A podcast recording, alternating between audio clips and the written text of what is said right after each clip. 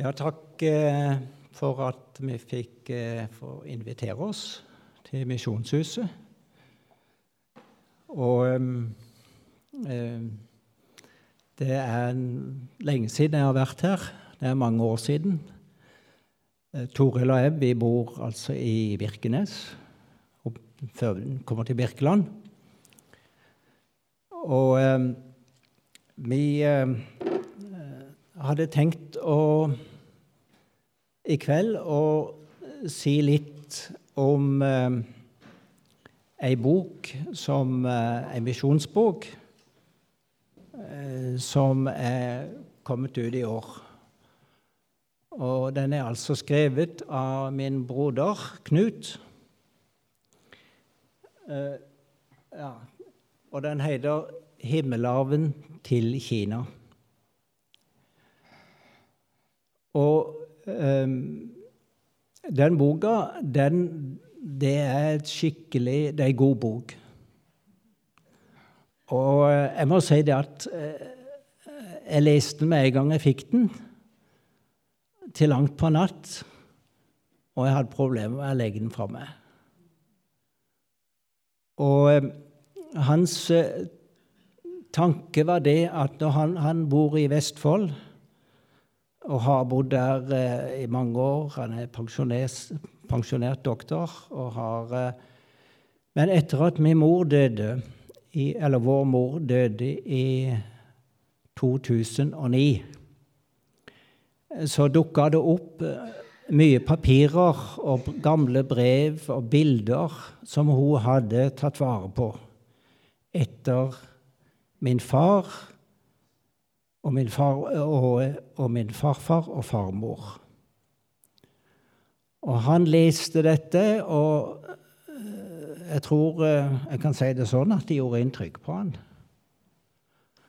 Mye korrespondanse mellom min farfar, misjonen, Brandtzæg, familie. Og jo mer han jobba med dette, desto større ble perspektivet, og han fikk lyst til å skrive ned noe. Så de siste fem og et halvt årene så har han eh, tilbrakt mye av tida i si hule i, i Holmestrand. Og eh, han har brukt mye tid på arkivet på Fjellhaug og andre arkiver. Han har eh, gått gjennom mye misjonslitteratur og prøvd å binde dette sammen. Knut er altså Han er født i Kina, og han har eh, tilbrakt eh, en del av sin ungdomstid også i Hongkong og eh, har besøkt Kina etter at Kina ble åpna. Et par ganger, iallfall. Så jeg tror han, han fikk òg lyst da til å fortelle om oppstarten av arbeidet. Både i, i Kina, men også koble det til Norge.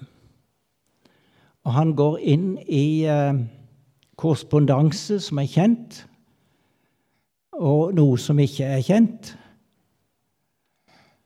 Og prøver å formidle det åssen livet og kristenlivet var i Norge på den tida da misjonen, Kina, altså Kinamisjonsforbundet, forløperen til NLM, ble danna i 1891 spenningene som var i samfunnet, men også på lokalplanet, her lokalt spesielt. Og det som, eh, det som ga støtet til det, det var vel at eh, han ville prøve å få farfar Olav og farmor Sofie Espegren eh, ha litt fokus på de. Så, så de er litt sånn De er en slags rød tråd og står i boka som en, en form for representanter for for misjonærene som reiste ut. Eh, så jeg tror han, han vil prøve å få fram både situasjonen, dagliglivet, spenninger som var, både i eh, Norge og også åssen det var å komme som ferske misjonærer til Kina. Så det er et omfattende arbeid som ligger bak. Og så tror jeg han ønsker òg å, å stille det utfordrende spørsmål til oss i dag. Har dagens misjon, har dagens eh, misjonærer, misjonsvenner, støttespillere, har de overhodet noe å lære av historien? Eller vil de eh, skrive den sjøl? Normalt tenker vi at vi har mye å lære av historien. Og det tror jeg Knuts intensjon har vært. Så den boka eh, den har vi tenkt å eh, selge, for vi føler at den fortjener å bli lest. Og jeg tror Knut ønsker sjøl Jeg tror den har gjort en del med han. Jeg syns, jeg syns den har gjort noe med han han har gått inn i stoffet og levd seg inn i det. I gamle brev. Savn Eh, sorg, sykdommer i Kina. Misjonærer som har reist ut uten familie. Graver, barn og voksne. Det ligger 51 døde på, eh, på gravstedet i La Hoko til Kinamisjonen. 51, hvorav 31 er barn. Ja, det gjør Altså, det var et offer å reise ut? Eller var det et offer? Så, det, så vi har altså den boka den, vi har den med, og vi selger den gjerne for 350 kroner. Vi, sel, vi er selgere. Den er, den er, på 440 sider, og det er mye stoff. Så eh, skal vi si litt om en del ting i boka etterpå.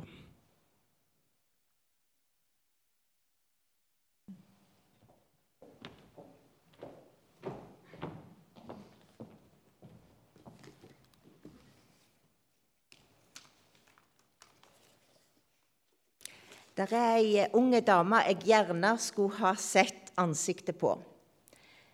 Hun bodde i Bergen på 1880-tallet og heter Olivia Halvorsen. Knut forteller om henne i boka si. Hun jobba hos far sin, som var gullsmed, og hun var en ivrig kristen.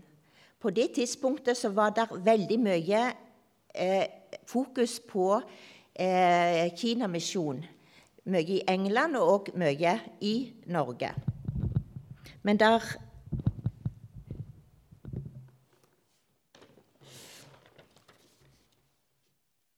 Men det var ikke noe organisert.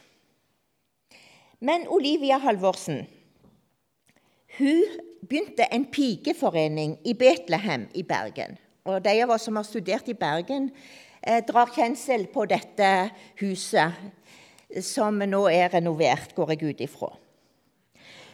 Olivia hun ville gjøre noe for sin herre og mester. Og hun samla noen eh, unge jenter, noen unge damer, til en pikeforening. Olivia var leder. Og etter hvert så kom der en dag en, eh, en som heter Ole Nestegård og Sivert Gjerde til Bergen. Og de spilte og sang i Betlehem. Og de var veldig inspirert av å nå kineserne med evangeliet. Og folk som hørte på, de ble sterkt oppfordra til å bli med og arbeide for kineserne si frelse. Og denne oppfordringa greip jentene i Pikeforeningen med Olivia Halvorsen som leder. Å arbeide for å frelse kinesiske hedninger, det var ikke småtteri, skriver Knut. Det var jo over 400 millioner av de. Og hvert år døde 12 millioner kinesere uten å ha hørt om Jesu død og oppstandelse. At Jesus sonoffer også gjaldt den gule rase. Og så begynte disse pikeforeningsjentene å samle inn penger til støtte til Kina.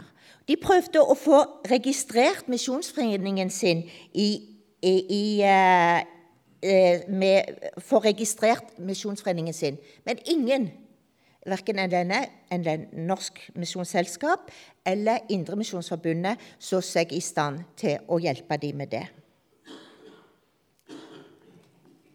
Det var jo ikke vanlig på den tida at kvinner var så aktive. Og Derfor så måtte disse misjonsinteresserte jentene få tak i noen menn som kunne hjelpe dem. Det gode med disse jentene var altså, og disse mennene de var ikke så gyselig gira, for å si det rett ut. Men de altså ga seg ikke. Et styre ville de ha. Og etter mye om og men og trolig mas, så lykkes de med å overtale noen menn til å bli med i, i sitt prosjekt. Og den 4. mars 1890 så ble de igjen kom det et møte, og der ble det stifta en Kina-komité. Og jeg måtte bare finne fram Oskar Handeland, 'Vårløysing'.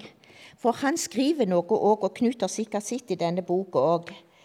Men tradisjonen sier, skriver uh, Handeland, såleis melder tradisjonen at damene måtte bruke både harde og milde ord før herrene mjukna og gikk med.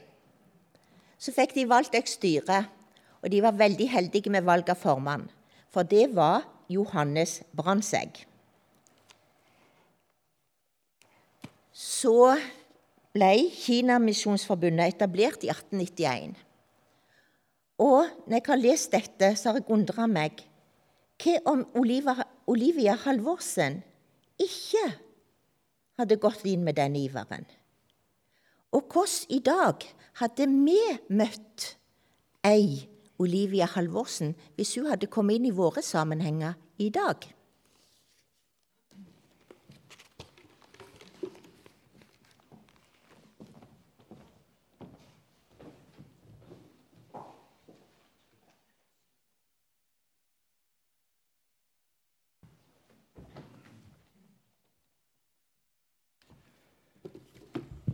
Ja, er det noen som vil svare på det spørsmålet? Er det Olivia Halvorsen? Eh, vi er nå altså eh, misjonsforbund, eh, Kina-misjonsforbundet. Det starta altså i Bergen eh, i 1891. Og det hadde vokst en interesse spesielt på Vestlandet og Sørlandet, men også andre steder i Trøndelag, for nettopp Kina. Og i 1891 så reiste de første misjonærene for ut. Eh, Kinamisjonen ble formelt danna i eh, juni eh, 1891. Og de første misjonærene reiste ut i september samme år. Da reiste det ut en, eh, en bråkete gruppe på åtte personer. Eh, de reiste, det første turen det, det reiste de over eh, fra Norge med båt over til Amerika. Og fem av de ble værende noen måneder til neste år, til, 91, til 92, i Amerika. for å gå på bibelskole og studere. Jeg tror det var helst oppe i Midtvesten. Og jeg tror de hadde noe kontakt med Hauge for Hauge, ja, Hauge, Hauges misjon i Minnesota, tror jeg det var. Men tre av de, de, de reiste, tok toget over til vestkysten, til San Francisco, og fly derfra, båt derfra til Shanghai. Og de, det var altså Det var eh, Johannes Brandtzæg, kanteol. Eh, det var en som heter eh, Johnsen, og Ludvig Johnsen. Og så var det ei dame som hun, fru Johnsen var det hun et pikenavn Årestad. ja, Årestad. Jeg tror hun var fra Sokndal, hvis jeg ikke tar feil. Og Ludvig Johnsen han var fra Mandal. Eh, Brandtzæg var vel trønder. Så de, de, fortsatte til Kina og til Shanghai med båt. Og når de var kommet vel fram der, så måtte de jo etablere seg. På den tida ikke, hadde ikke Norge et eget eh, konsulat. Eh, men de hadde sammen med Sverige. Altså vi er i 1891. Eh, og de, de gjorde seg kjent, forteller Knut om, om det.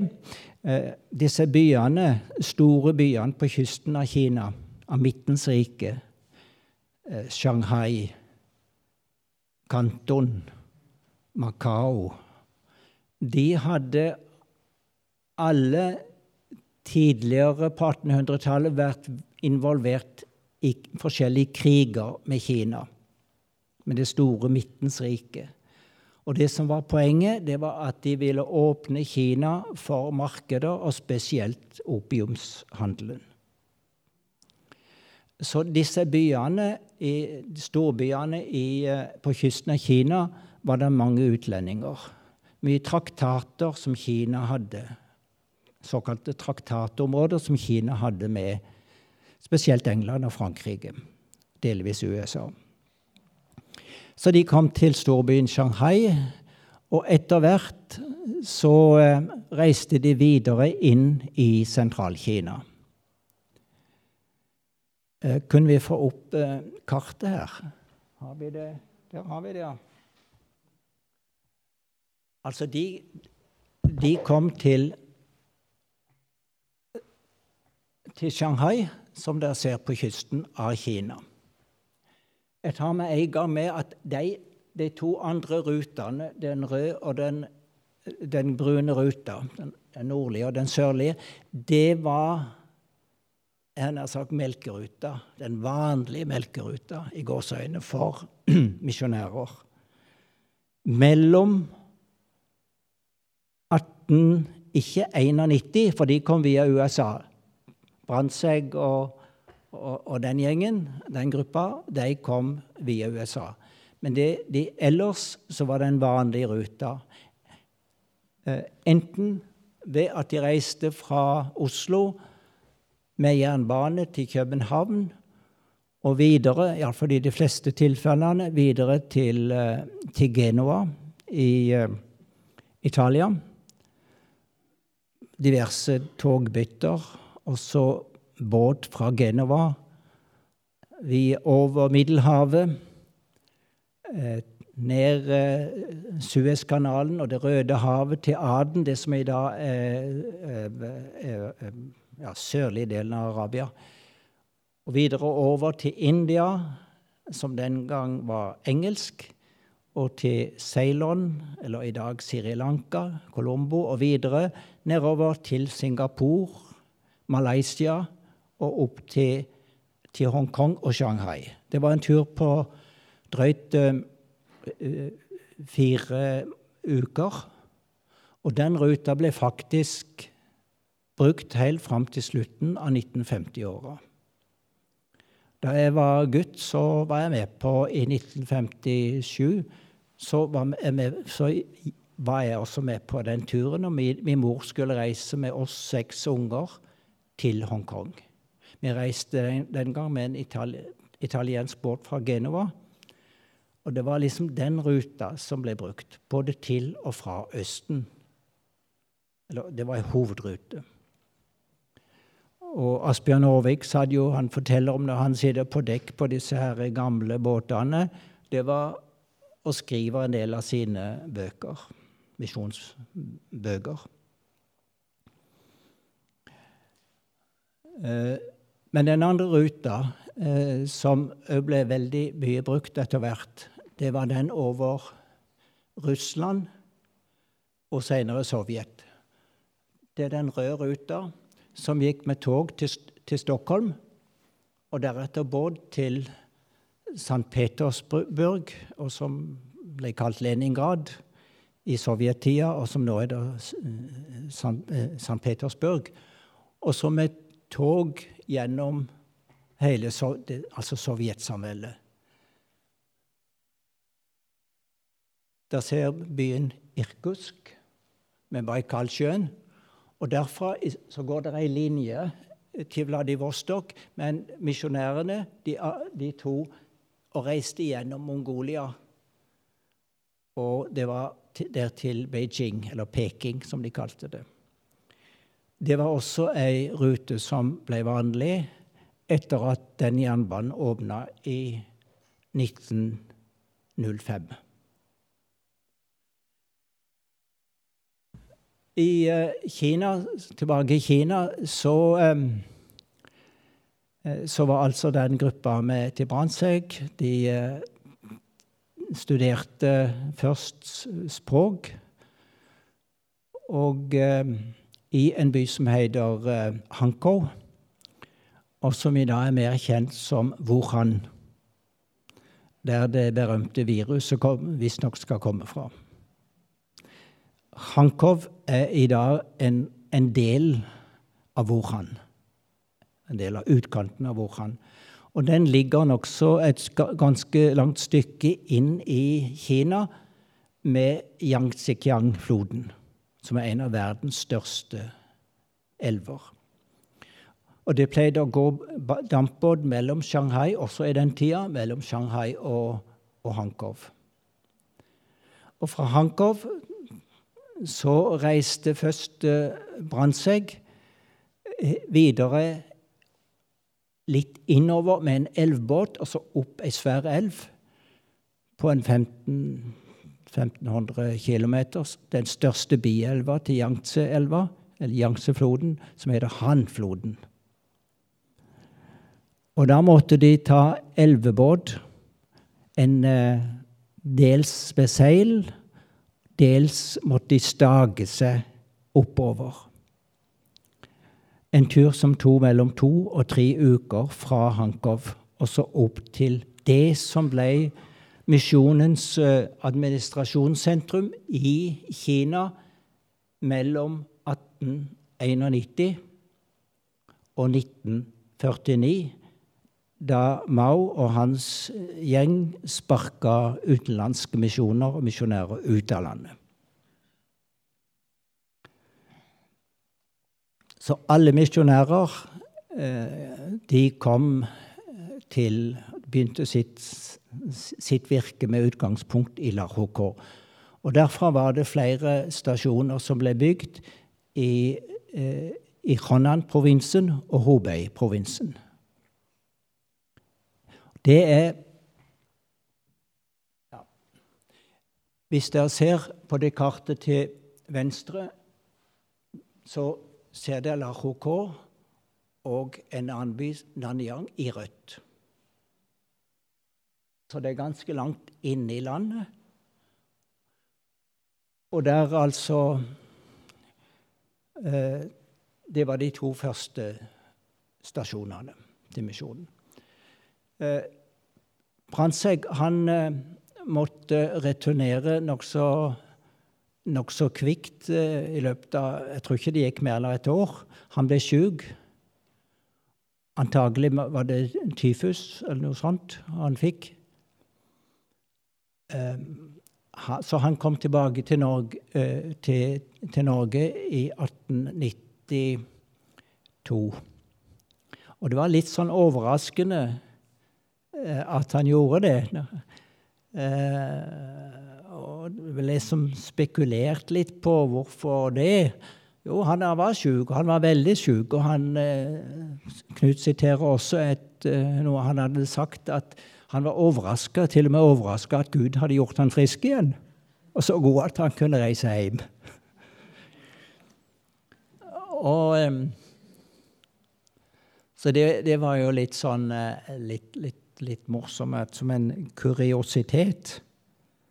Jeg uh, skal ikke hefte så mye med det, men det er jo litt morsomt, syns jeg, at uh, når han kom til Norge, så, uh, så viste seg noe det har stått i avisen, og i, i dagen til og med, at han, han hadde nok en, en kjæreste her i, i, Norge. Og Men ute på, på, feltet så var altså Så var Ludvig Johnsen Eh, der. Og hun fru eh, frøken Årestad, ja. Eh, og de gifta seg. I nokså kort tid etter at de kom ut. Og de fikk ei datter i 92 som het Lilly. Men så et par-tre uker Tenk dere, tre uker etter at Lilly var født, så dør Ludvig. Og hun, eh, fru Johnsen sitter da alene med denne jenta. Og hun blir værende i Kina helt til de misjonærene, både norske og utenlandske, måtte reise ut av landet pga. bokseropprøret i 1900, år 1900.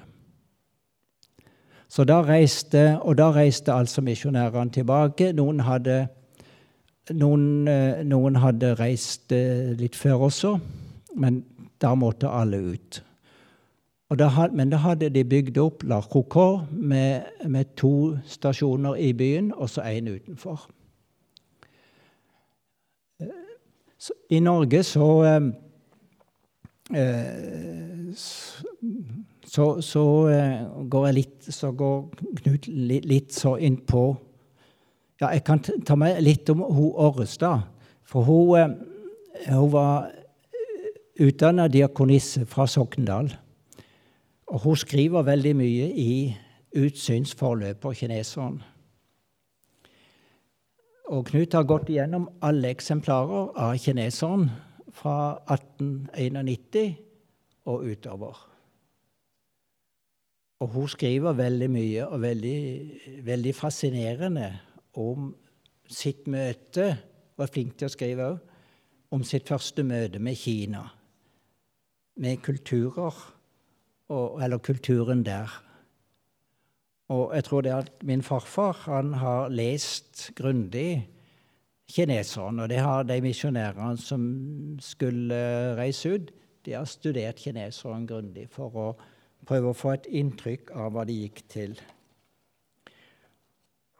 Og det var mange ting, det er ofte sånn med misjonærer at de beste brevene de sender hjem, eh, det er de som først kommer først, for da er alt nytt. Eh, siden blir det en vane, og du, liksom, du lever seg ikke sånn inn i det. Men, eh, men jeg tenkte jeg skulle lese et del av litt fra kineserens. Eh, som står her, som hun skriver. Eh, eh, altså Årestad, senere fru Johnsen, eh, i, i 92 eh, i kineseren. De tror svært på sitt lands fortreffelighet når det gjelder seder, skikker, oppdragelse og religion. Når en viser frem sine saker omtaler de utenlandske ting med smigrende ord og rakker ned på sitt eget. Men dette er bare høflighet. Sier man til en velkledd kineser et rosende ord om, om hans klær, vil han svare. Slett ikke. Dette er stygge, fæle klær. Spør man om hans navn, bør man høflig si hva er deres ærede navn? Han vil da svare mitt elendige navn er det eller det. Eller mann med kinesisk, oppdrag, eller mann med kinesisk oppdragelse spør hvor mange ærefulle sønner har de? Altså ikke hvor mange barn, men altså der Da vil han svare han gjerne Da vil svaret gjerne lyde 'Jeg har sju hundunger'. Slike svar er uttrykk for ren høflighet. Med ord rakker man ned på sitt eget, mens man i virkeligheten mener det motsatte. Om en kineser sender en gave til en venn, så vil vennen bli betrakta som rå og uhøflig dersom han beholdt hele gaven. Nei, skal han være korrekt, må man sende tilbake minst en tredjedel eller mer av gaven for å vise beskjedenhet. Slik er kineserne. Og dog overgår naturen også hos dem opplært høflighet. Kjekling og trette er meget alminnelig. Som oftest, som oftest over kun bagateller. Om to menn f.eks. får betalt 25 øre sammen, vil de sannsynligvis komme i tottene på hverandre om det øret som ikke kan fordeles. Så hun, eh, han tar med en, en, del sånne ting i, i, i denne boka. Eh, min farfar, han eh, reiste ut i han har sagt, så fort som mulig etter bokseropprøret. Bokseropprøret det var egentlig satt i scene av lokale embetsmenn, eller regionale embetsmenn, som ble kalt mandariner. Og det var retta mot utlendinger. Og det var mange, mange steder var det skikkelig ille, og mange utlendinger ble drept. Eh, ikke overalt. Men, og det hadde til dels òg keiserens i Peking, i Beijing, hans støtte. Eh, men det la seg nokså fort pga. utenlandsk eh, press. Og også keiserinnen, som Tore tror jeg vil si litt om. Hun var også lunken til, til, denne, til, dette. Så det la seg nokså fort. Så allerede i 1901, slutten av 1901 så begynte utenlandske misjonærer å komme tilbake igjen. Og i 1902 så reiste første gruppe fra, altså fra den nye misjonsskolen som var på Framnes, bygd på Framnes, reiste ut i altså 1902. Og i den første gruppa der eh, så var også farfar. Olav. Farfar Olav. Eh, de, eh, de, var styk, de, var 15 stykker, fordi det var to-tre stykker som, som, hadde vært der ute før, og som ble med igjen av den, de som reiste tidligere. Og dette var den første kullet som ble uteksaminert fra Misjonsskolen på Framnes. Framnes er et vidunderlig flott sted. Jeg vet ikke om dere har vært der, men det ligger med Nordheimsund eh, som en odde litt utenfor på byen eller tettstedet. Og det var altså Brandtzæg, eh, som altså var kommet tilbake til Norge, og han hadde gifta seg der med Tina. Tina Skau.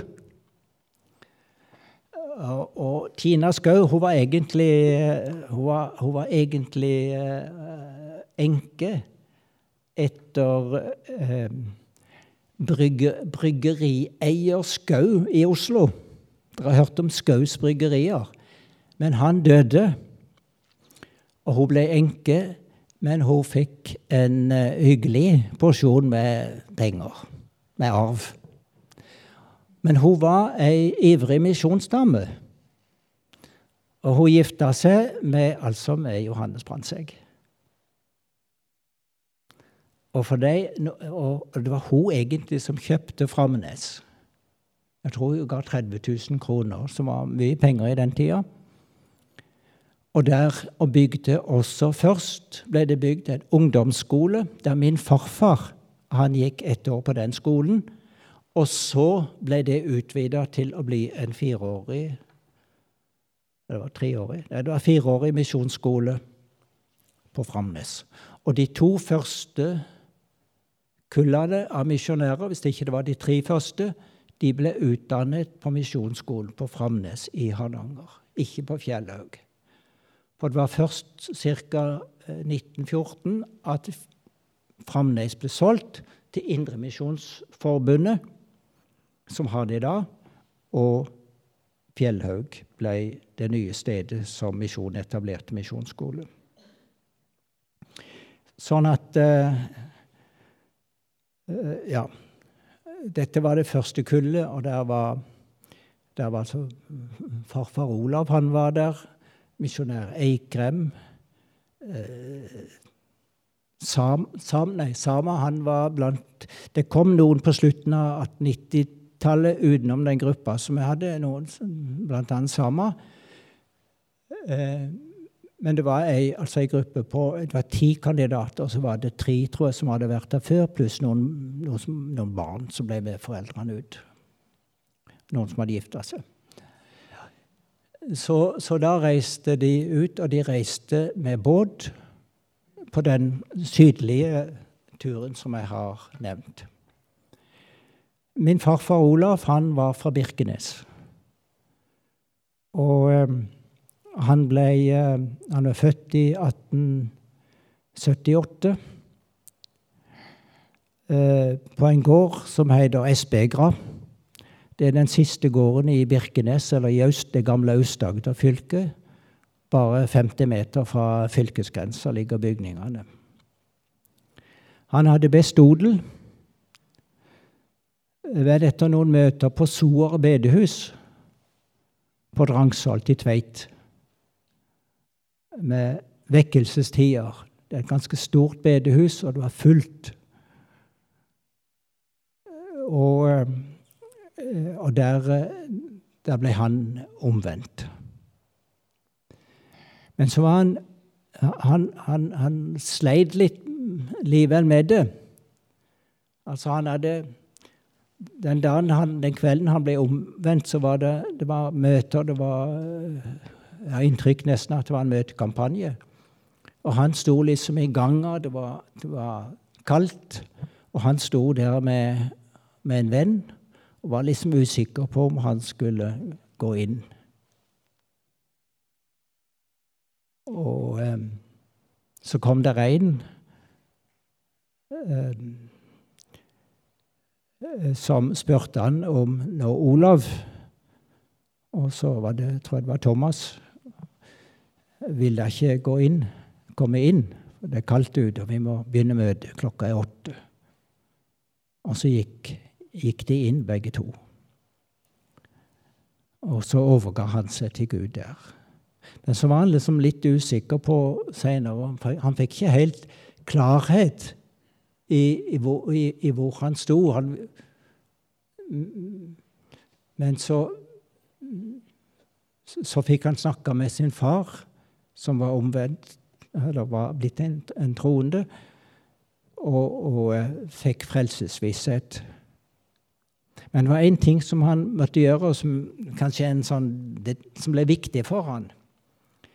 Og det var det at han og kameraten Jeg vet ikke hvem det var, men jeg har mistanke om uh, hvem det er. Men de hadde altså vært i skauen på Drangsholt.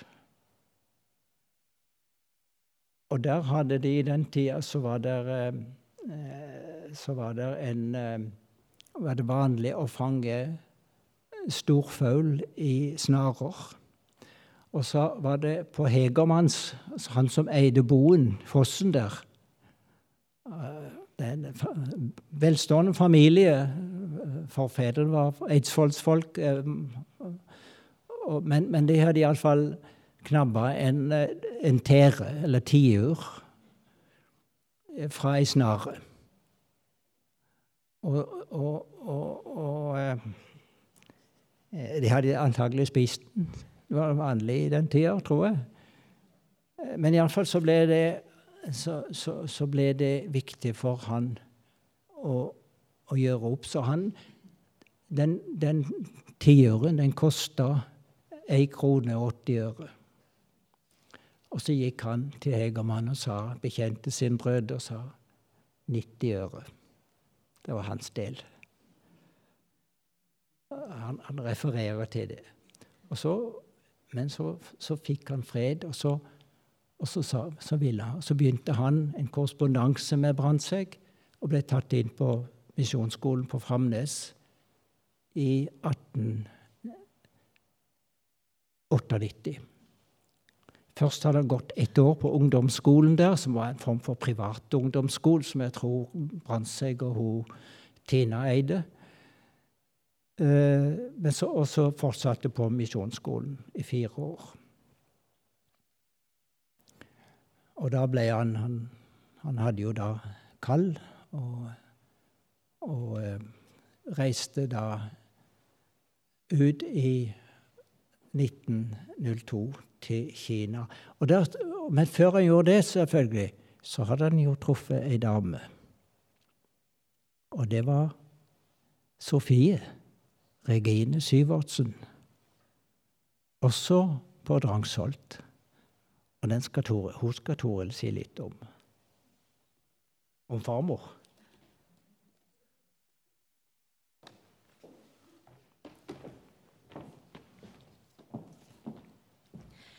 Jeg er jo bare inngift i familien, så det er egentlig veldig fristende, for der sitter en god del barnebarn til Sofie Spegren i salen. Og jeg, vet jeg har jo ikke avtalt, så dere skal få slippe å reise dere. Men eh, hvis dere har lyst, så kan dere gjøre det. Nei. Der er òg oldebarn. Det som er det spennende, eller det det som har gått opp for meg, det er at det, det er mange år siden eh, de døde. Men det er få ledd imellom. Sånn at det, det er altså besteforeldrene til Arild som det er snakk om. Besteforeldrene til Knut, forfatteren. Og så er det altså Arild og meg sine barn, altså som er oldebarn til Sofie og Olav.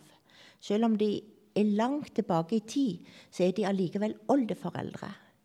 Og når våre barnebarn nå treffer sine oldeforeldre, så er det generasjonsmessig veldig nært, men tidsmessig veldig langt tilbake.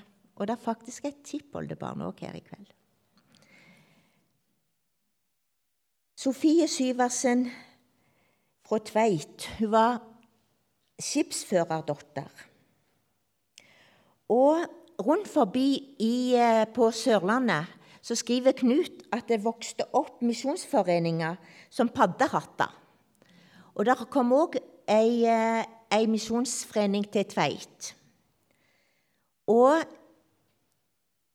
som Arild sa, så eh, ble farfar, eller Olav, og Sofie de ble forlova. Og så reiste Olav til Eh, til Kina i 1902. Og Sofie hun venta til 1903. Hun var faktisk òg i London og fikk utdannelse der. Så de, de var veldig det, det, er så mye imponerende som jeg leser i denne boka. Hvor framtidsretta, hvor, hvor visjonære de var, og hvor kallsbevisste. Sofie hun ble alltid av farfar kalt Mi Sofie. Fra han skrev sine første brev til henne, så skrev han Mi Sofie. Og helt til han døde, så var det Mi Sofie. Men når jeg har forberedt meg til dette, så har jeg sett på ansiktet hennes. Og så har jeg tenkt Du var så unge. Så utrolig unge Og det var Olav Spekeren òg. Hun var bare 23 år gammel når hun reiste med fem andre damer til Kina. Og Olavsbegeren var 24 år. De var så unge. Og så våga de så mye i trua på Han som, de, som hadde kalt dem.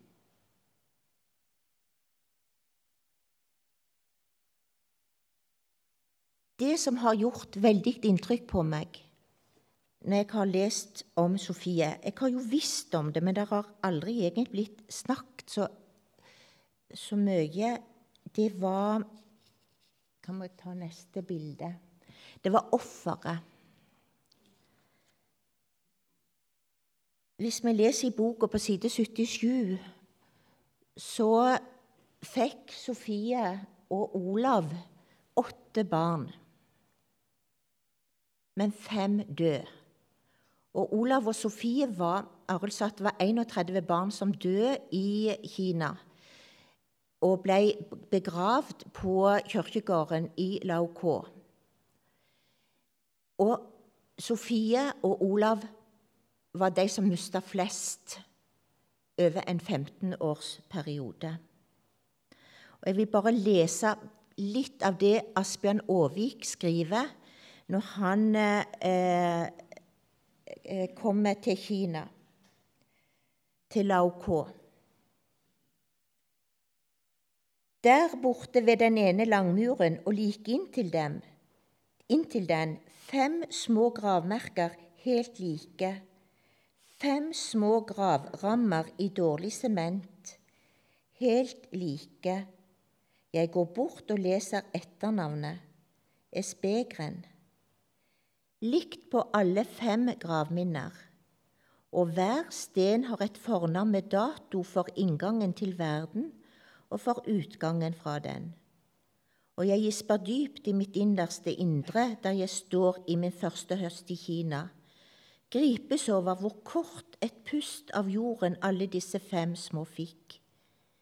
Ingen av dem fikk se sine fedres land, Norge leser så de små navn. Første grav til venstre. Gardar. Han ble om lag ett år gammel. Under navnet i små bokstaver tiden, tiden har herjet med, la de små barn komme til meg. Neste grav like ved siden. Birgit ble ikke fullt ti måneder gammel. Under dette navn fortsetter Jesu ord. Hindre dem ikke, for Guds rike hører sådanne til. Like ved siden hviler Borghild, bare fem måneder da en engel hentet henne høyere opp. Og så Einar, han fikk bare tolv dager på jorden. Og lengst til høyre Erling. Hans livsløp ble kun måneder og to dager. Så står der 1,5 million skritt. Jeg leser det som Knut skriver. Så langt Åviks beretning om kirkegården i Laukå. Hvordan farmor og farfar holdt ut slik motstand, er det vanskelig å forstå med sitt, mer, med sitt moderne og logiske blikk på tilværelsen. Her må troens øyne tas i bruk. Ikke bare ett, men begge. De må farmor og farfar ha sett ekstra godt med når sorgen tynget, og de måtte gå de tolv milene fra Nanyang til Laokå, så dere nå husker de to røde byene på kartet. Og de måtte gå de tolv milene fra Nanyang til Laokå med en liten kiste på en oste- eller muldyrkjerre, ikke bare én gang, men mange ganger i løpet av en vel 15-årsperiode. Det blir mange dagsmarsjer mellom Nanyang og kirkegården i Laokå. I tillegg har vi turen fra feriefjellet Haisan med, med kroppen til lille Borghild liggende inne i forseglet sinkkasse. Det blir også mange skritt før kisten forsiktig kunne bæres over i den lille båten som skulle frakte dem på Hanelva og videre til kirkegården utenfor bymuren i Laukå. Jeg har prøvd å beregne mil og skritt for å sette den fysiske siden av belastningen i perspektiv. Den psykiske er det vanskeligere å få kvantifisere objektivt. Turene ved siden av en liten kiste blir til sammen over 100 norske mil til fots eller på mulddyrkjerre. De hadde ikke skritteller, men regner vi ca. 16 000 skritt per mil, blir det over 1,5 millioner skritt. Mange tunge skritt, med god til å tenke, hvis de da ikke var så slitne av nattevåk og bekymringer at det ble lite rom for dypere tanker og filosofering på disse vandringene mellom hjem og kirkegård tur-retur. Å se Guds plan, visdom, kjærlighet og omsorg etter å ha fulgt fem små til graven, kan verken ha vært trosstyrkende eller lett. Forstår det den som kan. Forfatteren har store problemer.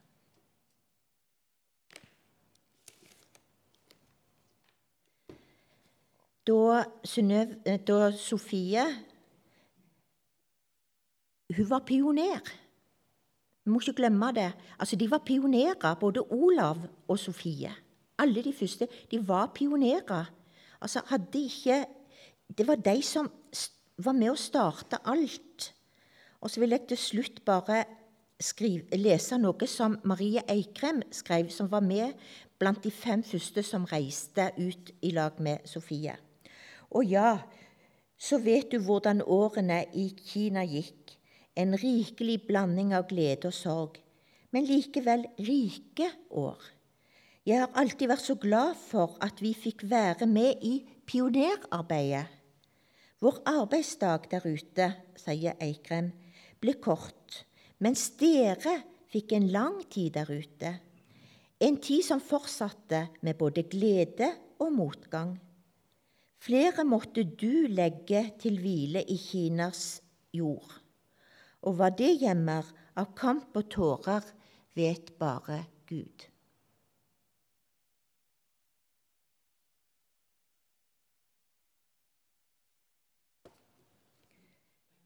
Nå blir det noe helt annet tror jeg. Magne.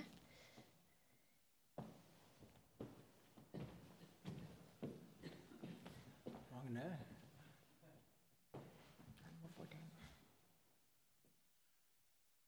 Eh, jeg kom til å tenke på dette at eh, farmor og farfar mista fem i Kina. Det var Farfar han døde i 48. Jeg husker ikke han. Men farmor døde i 68 i Tveit. Og vi var ofte der. Men det ble aldri, så langt jeg kan huske, så ble det ikke snakka om at hun hadde mista fem stykker. Eller de hadde mista fem i Kina. Jeg kan ikke huske at det mulig at det var nevnt, men, men det var aldri noe noe som ble det, Det ble ikke snakka om. Men farfar, han, han sa det at han ønska å bli begravd i Kina med sine barn. Det var en uh, digresjon. Magne? Funker, ja. Ja vel. Du har eh, Magne, han eh, er altså fra Vennesla. Vi har Det har, med, det har ikke noe med dette å gjøre. Nei, det var vi fant på Google. Vår venn Google, han, han, var der. Det var når han ble Jeg trodde du ble, skulle bli pensjonist, var det det? Det var lengre siden. Ja. Men iallfall på skolen. Men du har lest denne boka.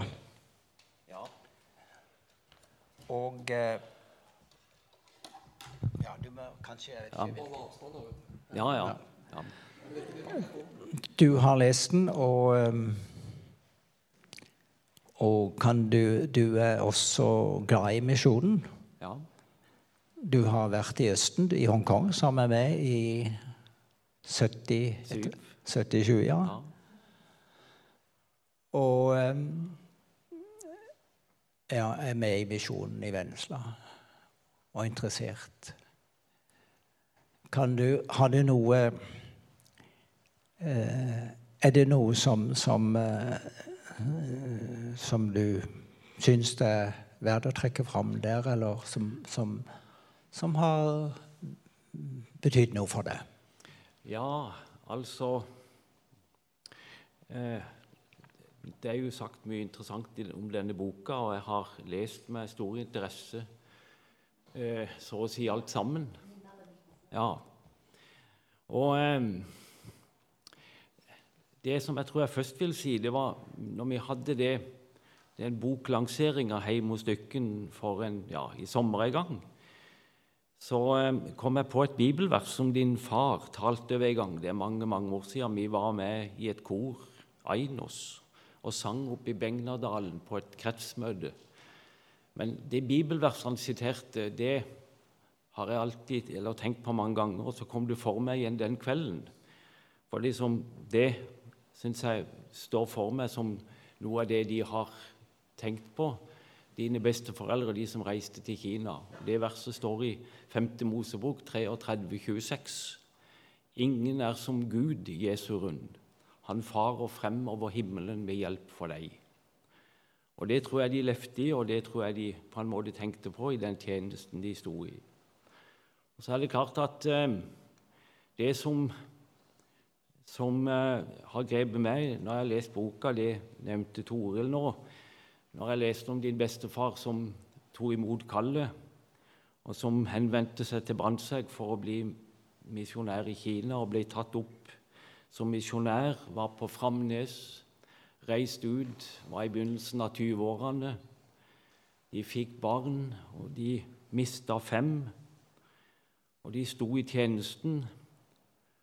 Og så kan vi lese om at i dag er det ca. 100 millioner kristne i Kina. Altså De ble lydige mot kallet, og de, de sto i tjenesten. Og vi ser de resultatet som det har fått. Så det syns jeg er helt fantastisk å lese om. Og så eh, har det jo også vært interessant for meg å lese i boka om den kinesiske kultur. Du var innom det tidligere, Arild.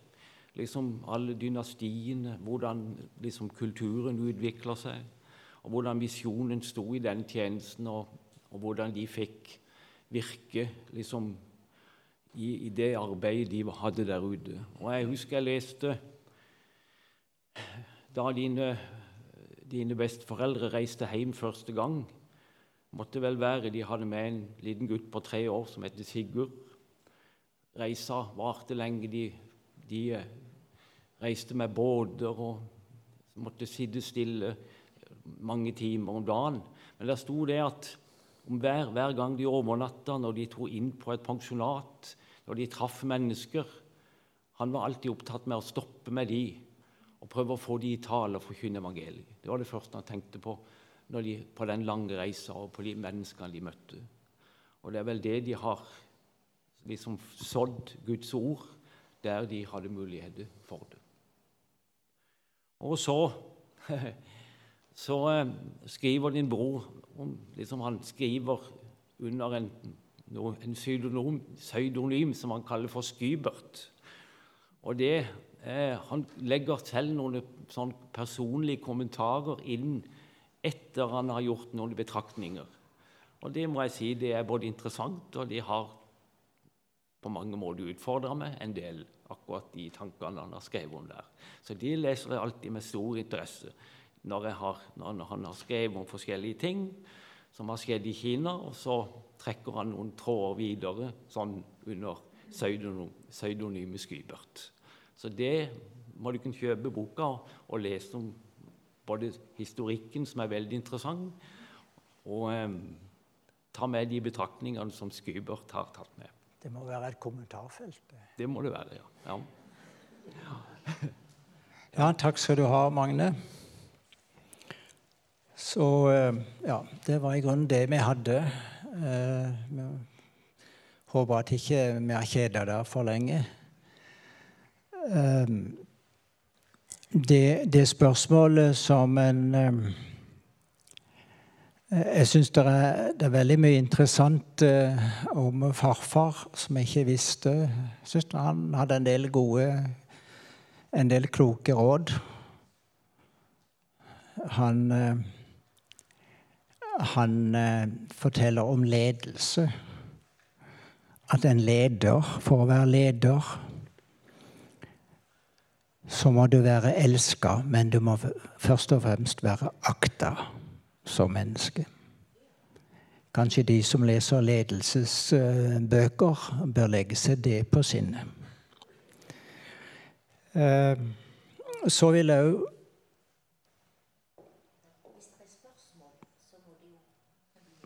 Ja, det kan spørsmål. Men jeg tenkte om Når jeg leser den boka, så sitter en med spørsmålet om var det verdt offeret? Det var mange misjonærer som har sine ektefeller begravd der ute. Det er 20 voksne. Onkelen til ho frøken Orrestad, senere fru Johnsen, han het Tønnes Frøyland fra Sokndal, ble drept av røvere. Det gjorde et par andre også. Barn, mange misjonærer som hadde barn som de mista. Var det verdt offeret? Jeg lar det henge igjen. Men som Knut sier her, så er det iallfall 100 millioner kristne, troende mennesker i Kina. Jeg har sett andre tall også, i det dobbelte. Jeg vet ikke. Men når vi var der i 1986, i La Croix, så var kirkene fulle. Ja, det var spørsmål. Hvis det er noen.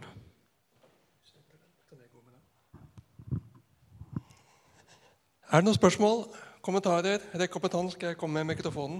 Og jeg skal desinfisere den imellom, til og med, i disse koronatider.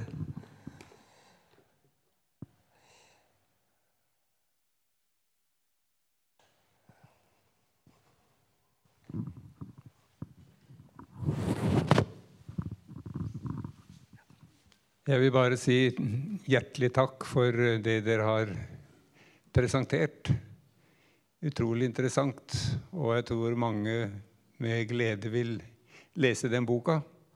Og så tror jeg det også er en påminnelse til oss som sitter her, om å fortsette å be for Kina.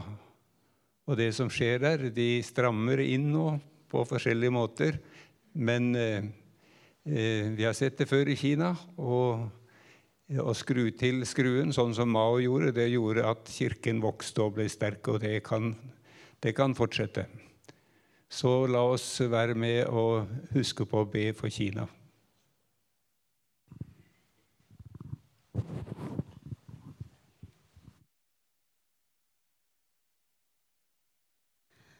Eh, ikke et spørsmål egentlig, men eh, når du stilte spørsmålet om det er verdt så gjorde det jo veldig inntrykk å se disse fem barnegravene. Eh,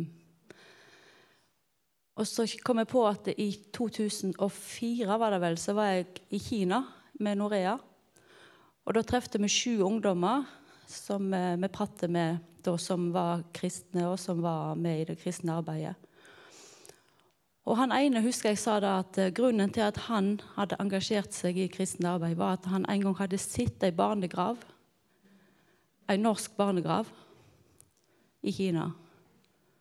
Og det hadde gjort så sterkt inntrykk på han at, han, eh, at noen reiste fra andre sida av verden til Kina Og så opplevde de da å måtte legge båndene sine i grav i et fremmed land. Og da, når noen hadde ofra så masse, så måtte han òg få være med og ofre noe for, for, Jesus.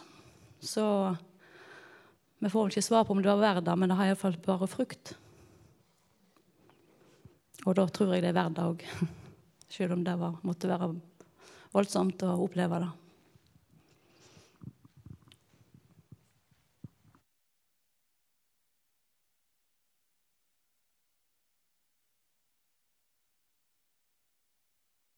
Jeg bare lurte på, Var det noe sånn barna, det, misjonærbarna, gikk de på egen skole, eller hvordan var det?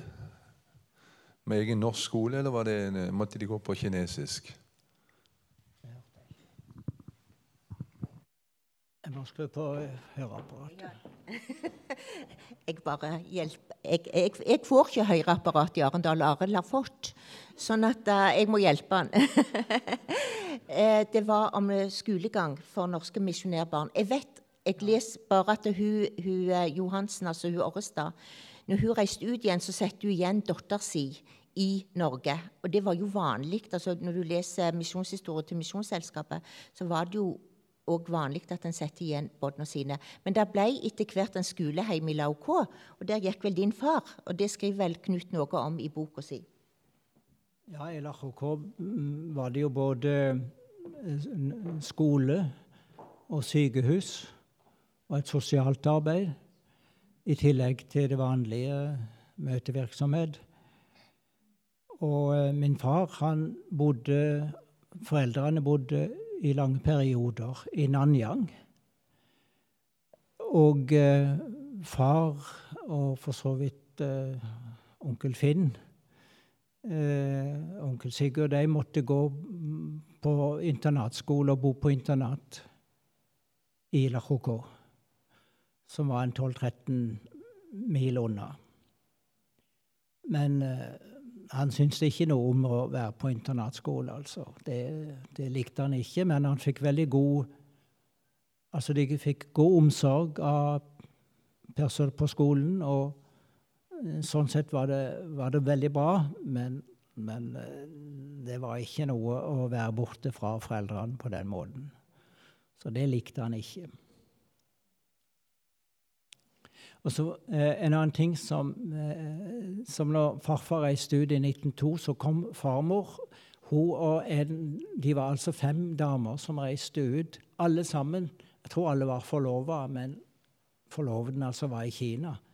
Og så reiste de ut med båt året etter, og så gifta de seg. Og farmor og farfar de gifta seg i Lahokor i eh, 1904. Og de gifta seg med hun, andre med misjonær Helland. Og så var det Dorothea Olsen. og fra, fra Gifta seg med Torvald Olsen, begge her fra Kristiansand. Og farmor og Dorothea Jeg husker Dorothea Olsen fra Kristiansand. Hun var ofte oppe hos farmor i Tveit, husker jeg, i min oppvekst. og og alltid så finkledd. Og, og de eh, farmor nå var i Kristiansand i byen, så var hun alltid oppom Dorthea Olsen i Festningsgata.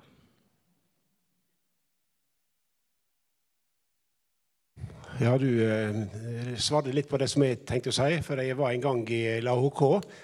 Og da sto vi på taket av eh, sykehuset, som nå var renovert. Og så pekte de bort på skoleheimen. Så den står fortsatt. Den er renovert, men vi som nordmenn kom ikke inn der. Fordi det var et slags kommunalt eh, kontor de brukte det til nå. Så det var for å se det. Men ellers så eh, syns jeg det var veldig spennende å møte eh, disse store menighetene i Kina. Og overalt der vi var, der uttrykte de takknemlighet for de fra Norge som kom. Og En opplevelse som vi hadde, det var på toget en plass på vei til Beijing. Da var det noen som kom og tok kontakt med oss og ville møte oss i all hemmelighet på hotellet. De var med i ei husmenighet som ikke de kunne offentliggjøre. Og det de ville si, det var takk fordi Norge sender misjonærer. Eh, når jeg ba om ordet, så var det rett og slett fordi at jeg, jeg las en gang for lenge siden om når Olav, eh, din bestefar blir det vel da, eh, han var intervjua var hjemme Og vi intervjuet av en journalist i Vårt Land. Eh, følger du snakker om kall. Og eh, hva som bar, bar de når de var ute. Det var Journalisten spør du må elske kineserne høyt, som reiser ut igjen etter å ha lagt igjen fem barn i Kina. Og Da skriver journalisten da så misjonæren på oss og sa nei, jeg kan nok ikke skryte av det, men Jesus elsker deg. Det er derfor jeg reiser. Jeg syns det var en sterkt vitnesbyrd. Den kirkegården i LHK den eksisterer jo ikke nå. Vi var der i 86 eh, for å se, men, eh, men der er det nå en eh, offentlig busshold, eller bussterminal. Så, så sånn ble det.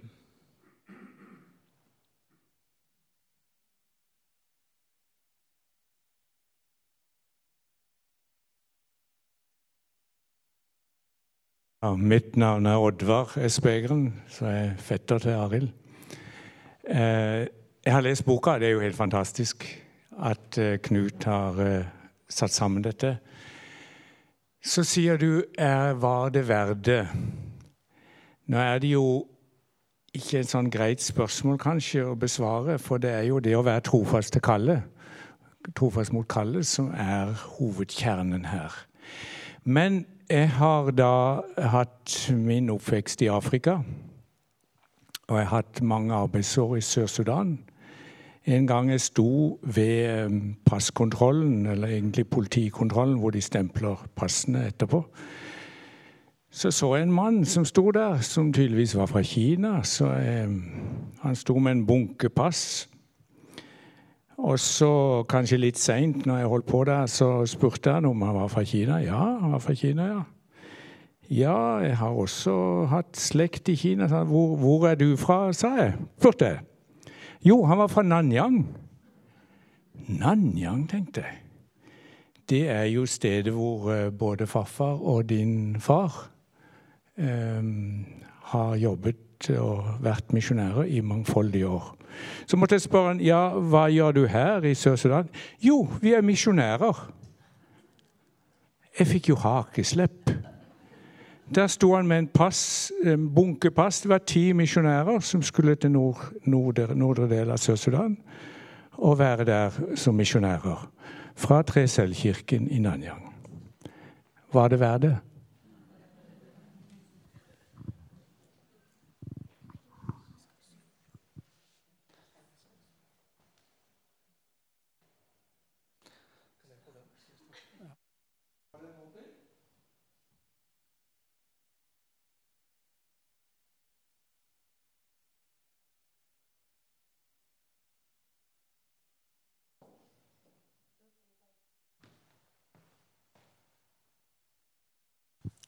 Da tror jeg at vi skal synge de to siste versene på 'Din rikssak Jesus være skal'. Og um, så vil jeg bare Det er to damer som jeg vil gjøre dere oppmerksom på i boka. Jeg spurte Knut i dag hva er de to hva er det viktigste for deg i boka? Hva er det du har likt best å skrive om? Og ei har han et veldig følelseslada eh, Det er de to små damene. Det er hans mor Olga Esbegren. Han er veldig følelsesmessig knytta til. Og så er det eh, eh enkekeiserinna eh, Siksi Er det det Ja. Eh, som ble forakta og ledd av fram til 1985. Og da fikk verden oppdaga hvor smart og god hun var. Begge to arbeider i det stille. Og finn fram boka hvis du kjøper den, og les om dem. Så um, får du et enda Det er jo over 400 sider, så det er masse gode ting. Jeg vil bare si, Dere trenger ikke lese boka i helhet. Det går fint an å lese bruddstykket av den.